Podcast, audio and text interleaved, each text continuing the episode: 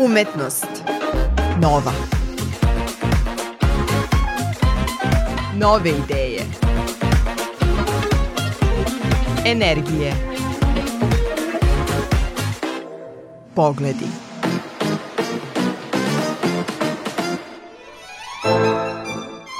Dobar dan. Ja sam Isidora Bobić. U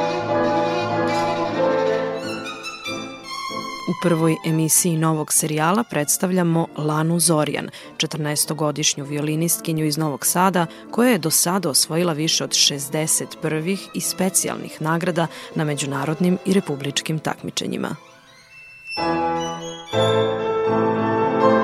Kada neko do svoje 14. godine dobije oko 60 prestižnih nagrada i priznanja, onda nema sumnje da se radi o virtuoznosti. A za virtuoznost su neophodni kako talenat, tako i trud. Ja bih rekla da je talent svega nekih 20%. Rad je zaista najveća stvar koja vam je potrebna da imate nekakve rezultate, odnosno da vam nastup bude što bolji. A početkom 2022. godine sam vežbala nekih do 3 sata dnevno. I posle sam otišla na masterclass kod eminentnog profesora Zahara Brona. Shvatila sam da treba više svežba, da njegovi učenici vežbaju od jutra do sutra, otprilike. I evo, mislim, sad mi je prosek u 4 do 6 sati. Ogroman napredak se video ovom posle dve nedelje. A ljudi vezuju predrasude za rad i za trud. Naravno da nosi sa sobom mnoga odricanja, ali da je to nešto strašno teško i nelagodno. Da li ti uživaš u svakom trenutku rada? Pa iskreno da budem ja uživam, zaista. Zato što znam da radim ono što volim, da je najveća moja sreća kad sam ja na sceni i kad sam pred publikom. Ja znam da kad sviram dobro kada sam na sceni, da ja usrećujem i druge.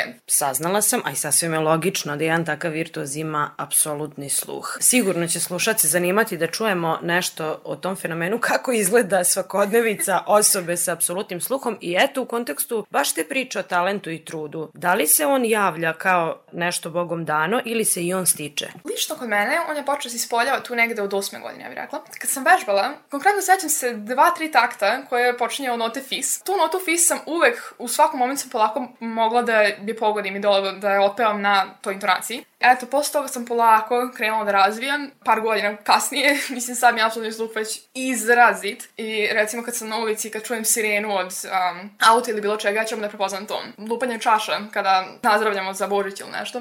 Zaista, ja bih rekla da to je jedna pozitivna stvar, obzirom da ja volim da komponujem. Koju god melodiju da ja imam u glavi, ja mogu da transponujem na tonove i ja me čujem u tonovima i ovo mogu da odsviram, ovo mogu da zapišem. Malo nek zada nervira slušati tonove po ceo dan gde god idem, to nerviram svoje roditelje i onda po ceo dan im govorim koji je to neki, što nekad zna da njih iznervira, tako da eto. Kada si pomenula da voliš da komponuješ, ja sam informisana da si ti za vreme karantina iskomponovala svoje prvo delo, ali sam isto tako informisana da nisi zapisala duže vremena te note. Da li to znači da si ti u glavi iskomponovala tu stvar. To je skroz istina. A tad sam je bila peti razred osnovne škole. Šta sluša Lana Zorjan kada ne sluša klasičnu muziku?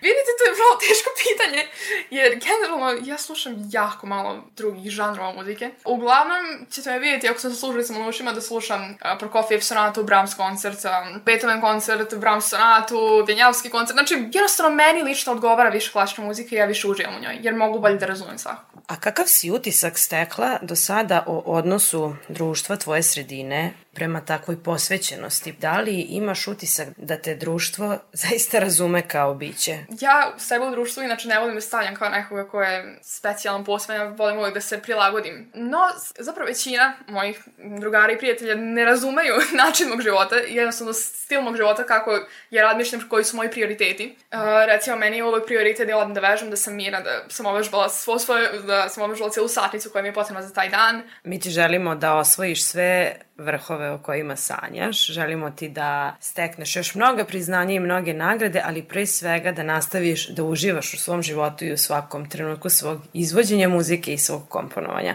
Hvala ti što si govorila za Radio Novi Sad. Hvala vam puno što ste me pozvali i na ovako divnom intervju.